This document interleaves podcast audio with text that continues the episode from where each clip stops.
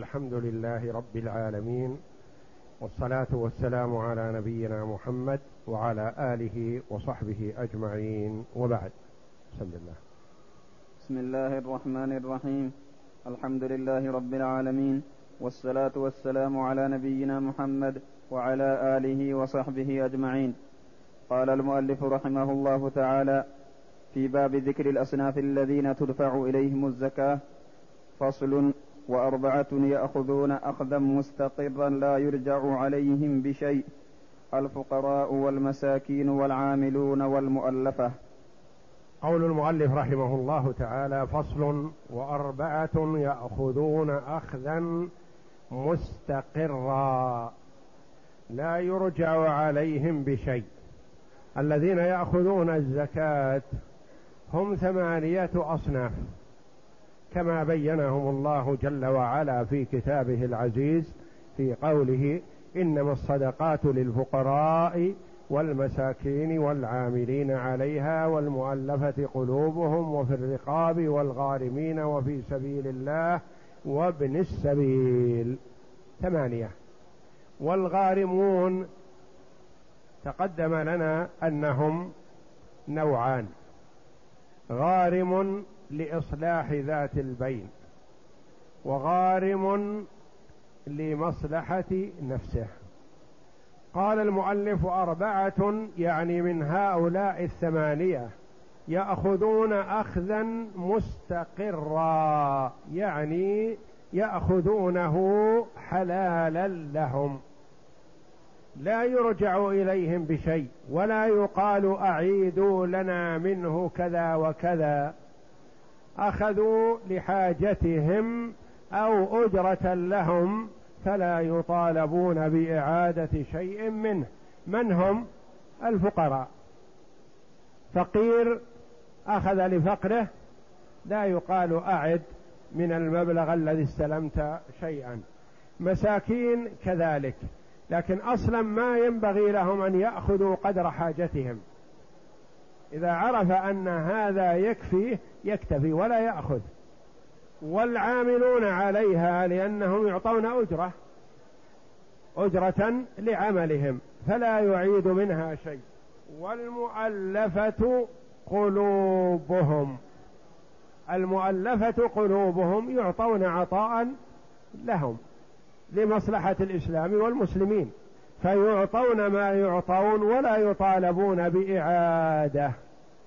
وأربعة من هؤلاء من غير هؤلاء أربعة آخرون أخذهم مراعى نعم. وأربعة يأخذون اخذا مراعى الرقاب والغارمون والغزاة وابن السبيل إن صرفوه فيما أخذوا له وإلا استرجع منهم. وأربعة يأخذون أخذا مراعى يعني ما يأخذون الشيء تمليك لهم ملك لهم يتصرفون فيه كيفما شاءوا لا وهم في الرقاب. مكاتب مثلا أعطي لسداد دينه الذي التزم به لسيده. فما استطاع أن يسدد دينه. وما تحرر. يلزم أن يعيد المبلغ الذي أخذه من الزكاة لا يحل له. لأنه أخذه لأجل أن يعتق. فما استطاع أن يعتق نفسه وعاد في الرق فيلزم أن يعيد المبلغ لأنه أخذه وأعطاه سيده. وسيده ليس من أهل الزكاة. فيقال له أعطنا المبلغ. يقول سلمته لسيدي نقول استعده. استعده من سيدك ورده على أهله لأنك أصبحت لست من أهل الزكاة لا أنت ولا سيدك. فأعيد المبلغ.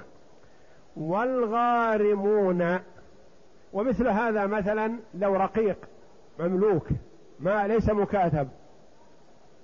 قال مثلا اجمعوا لي من أجل أن أشتري نفسي من سيدي جزاكم الله خيرا. فجمعنا له مثلا. عشرة آلاف عشرين ألف. فذهب يتفاهم مع سيده فقال سيده لا لا أقبل منك أي مبلغ أنا في حاجة إليك وخدمتك. يعيد لنا المبلغ الذي أخذ. ومثله لو قال سيده لا أعتقك إلا بخمسين ألف وهو لم يستطع يجمع إلا عشرين مثلا. نقول له أعد العشرين التي جمعتها لا تحل لك ولا لسيدك. والغارمون والغارمون غارم لإصلاح ذات البين. جاءنا وقال أنا غارم لإصلاح ذات البين. التزمت لهؤلاء بخمسين ولهؤلاء بثمانين ألف. أريد مئة وثلاثين ألف. نقول حسن. فجمعنا له من إخوانه المسلمين من زكاتهم مئة وثلاثين ألف وأعطيناها إياه. فاستلحق الناس المراد إعطاءهم المبلغ وجمعهم. وقال هذا المبلغ الذي التزمت به إليكم. قالوا من أين؟ لك. يقول جمعته من زكاة إخوانكم المسلمين. فيقولون سامحنا ولا نريد شيئا. وهو جمع 130 ألف مثلا. هل يصح أن يصرفها في وجه آخر؟ لا. أخذها لهذا الوجه واستغني عنها في هذا الوجه فيعيدها. جمع هو غارم 130 ألف. جمع 150 ألف مثلا. نقول ادفع المئة والثلاثين وأعد إلينا الزائد العشرين. لا تحل لك. لأنك جمعتها لأجل إصلاح ذات البين وقد سددت المطلوب فالزائد لا يحل لك. ومثل ذلك الغارم لمصلحة نفسه. مثلا دين عليه. قال أنا علي مليون ريال. ديون أو ديات أو نحو ذلك. مثلا. فطلب من إخوانه المسلمين أن يساعدوه فبادروا وساعدوا وجمع مليون ومائتي ألف. نقول لا تحل لك المائتي الألف. لا تحل لك. خذ المليون الذي أنت مدين فيه وأما مائتي ألف تأخذها لتشتري بها بيت؟ لا. ما يجوز لك. لأنك جمعتها لسداد دين فلا يجوز لك أن تكون بها غنيا. ردها على أهلها. والغزاة. جاءنا الرجل قال أريد أن أذهب للجهاد في سبيل الله. فأعطيناه مبلغ من المال ليجاهد فيه بسبيل الله ولينفق منه على أهله مثلا. ثم عدل عن الذهاب يلزمه أن يعيد هذا المبلغ الذي أخذه لأنه أخذه لغرض وما تحقق له هذا الغرض فيعيده أو أخذ لغرض وذهب للجهاد في سبيل الله. أعطيناه مبلغ من المال وسار إخوانه المسلمون في مساعدته فجمع مالا كثيرا فذهب به وجاهد في سبيل الله. ثم رجع وقد بقي معه من المبلغ مئة ألف مثلا. فيلزمه أن يعيده ولا يأخذه. لأنه لا يحل له لأنه أخذ المبلغ من أجل غرض وهو الجهاد في سبيل الله. فما زاد عن الجهاد في سبيل الله يلزم أن يعيده. وابن السبيل ابن السبيل له أن يأخذ من الزكاة وهذا إذا تعذر عليه أو شق عليه أو ما استطاع أن يأخذ من ماله. أما اليوم والحمد لله فالأمور تيسرت فإذا كان غنيا في بلاده ويستطيع أن يطلب شيئا من ماله أو يرسل له بسهولة فلا يأخذ. لكن يأخذ إذا كان لا يجد إلا دينا أو قرضا كما تقدم لنا أمس أنه إذا لم يجد إلا دينا أو قرضا فنقول لا يا أخي الله جل وعلا جعل لك نصيبا من الزكاة خذ من الزكاة ما يوصلك إلى بلادك ولا تستدن ولا تقترض فتبقى ذمتك مشغولة. والإسلام ينهى عن الدين ولا يرغب فيه ويرغب في براءة الذمة. فالمسلم يحرص على أن تبرأ ذمته خلافا لواقع حال كثير من الناس. لا يبالي والعياذ بالله يأخذ من هذا مبلغ ومن هذا مبلغ ومن هذا مبلغ ولا يبالي بهم يتوسع بها ولا يسدد. وربما مات وهو مدين.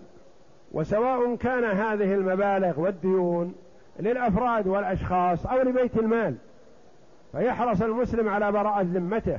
لأن الدين إذا كان لبيت المال فهو أشد من الدين الذي لفرد. لأن الدين الذي لفرد واحد يطالبك به والدين الذي لبيت المال جميع المسلمين يطالبونك لأن لهم حق في بيت المال وأنت أخذت حقهم. فليهتم المسلم ببراءة ذمته سواء كانت مشغولة لبيت المال أو مشغولة لفرد من الأفراد. ويحرص على أن يكتفي باليسير ولا يتوسع ويبرئ ذمته. كما تقدم لنا الرجل الذي جاء إلى النبي صلى الله عليه وسلم قال يا رسول الله أرأيت إن جاهدت في سبيل الله وقتلت في سبيل الله اي يغفر لي ما مضى؟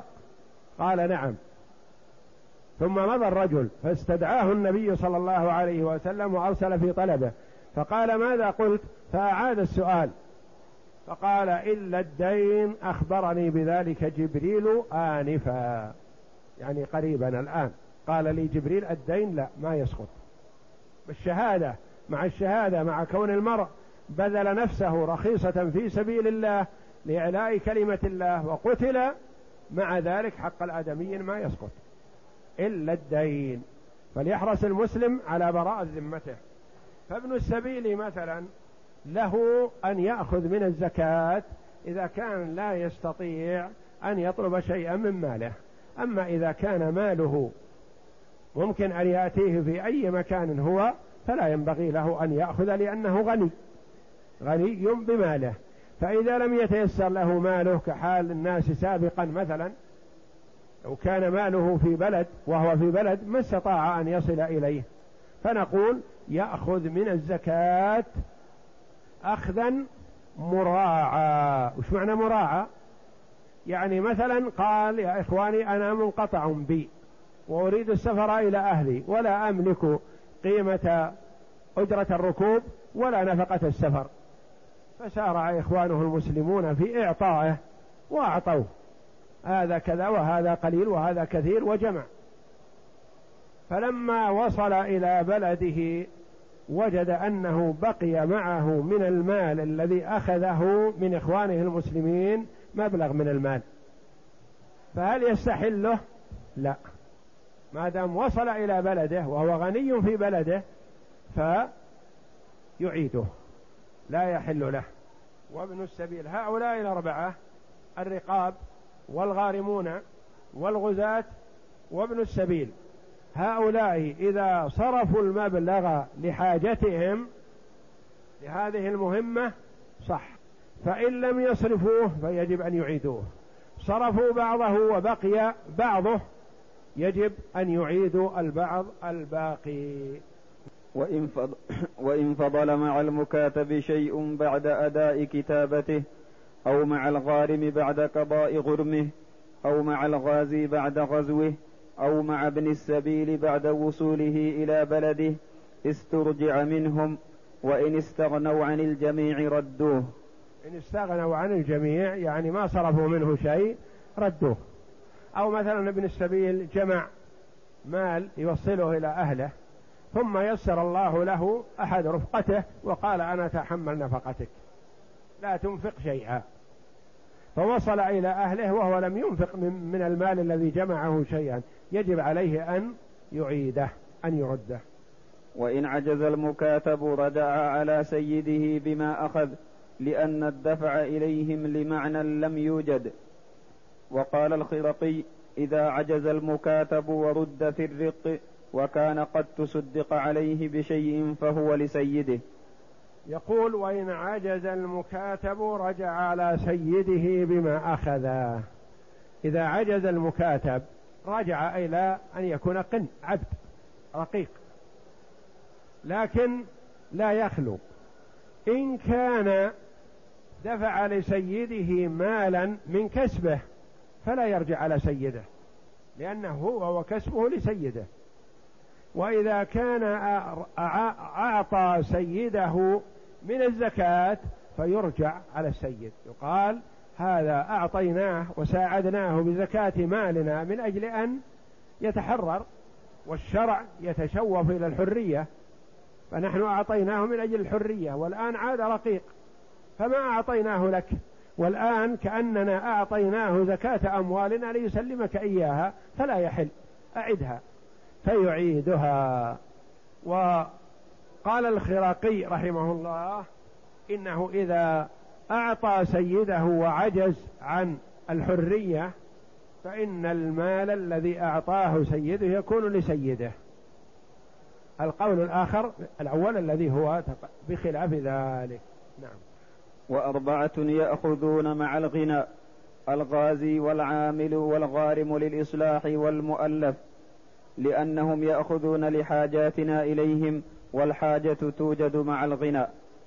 وسائر أربعة أربعة من هؤلاء الثمانية يأخذون مع الغنى يعني يعطون من الزكاة وإن كانوا أغنياء.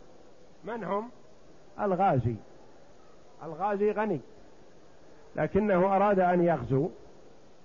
فنقول دع مالك الذي بين يديك لأهلك واحتفظ به لنفسك.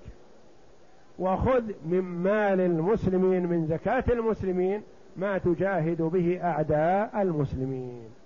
والعامل العامل يعطى من الزكاة وإن كان غنيا لأن إعطاءه ليس مواساة وإنما هو أجرة. فنحن مثلا كلفنا العامل غني. من أعيان البلاد قلنا اجمع لنا زكاة هؤلاء الناس من هذه الجهة كما كلف النبي صلى الله عليه وسلم عمر بن الخطاب رضي الله عنه وأعطاه لأن هذه أجرة عمله حتى وإن كان عنده أموال كثيرة. والغارم الغارم نوعان غارم لإصلاح ذات البين يعطى مع الغنى لئلا ينهك ماله فيبقى فقير. والإسلام يشجع على إصلاح ذات البين ويشكر من يتحمل الأموال على ذمته لأجل إصلاح ذات البين. لأن الله جل وعلا يقول في كتابه العزيز لا خير في كثير من نجواهم إلا من أمر بصدقة أو معروف أو إصلاح بين الناس. ومن يفعل ذلك ابتغاء مرضات الله فسوف نؤتيه أجرا عظيما. فنحن نشكر الغارم لإصلاح ذات البين ونعطيه وإن كان غنيا حتى لا ننهك ماله.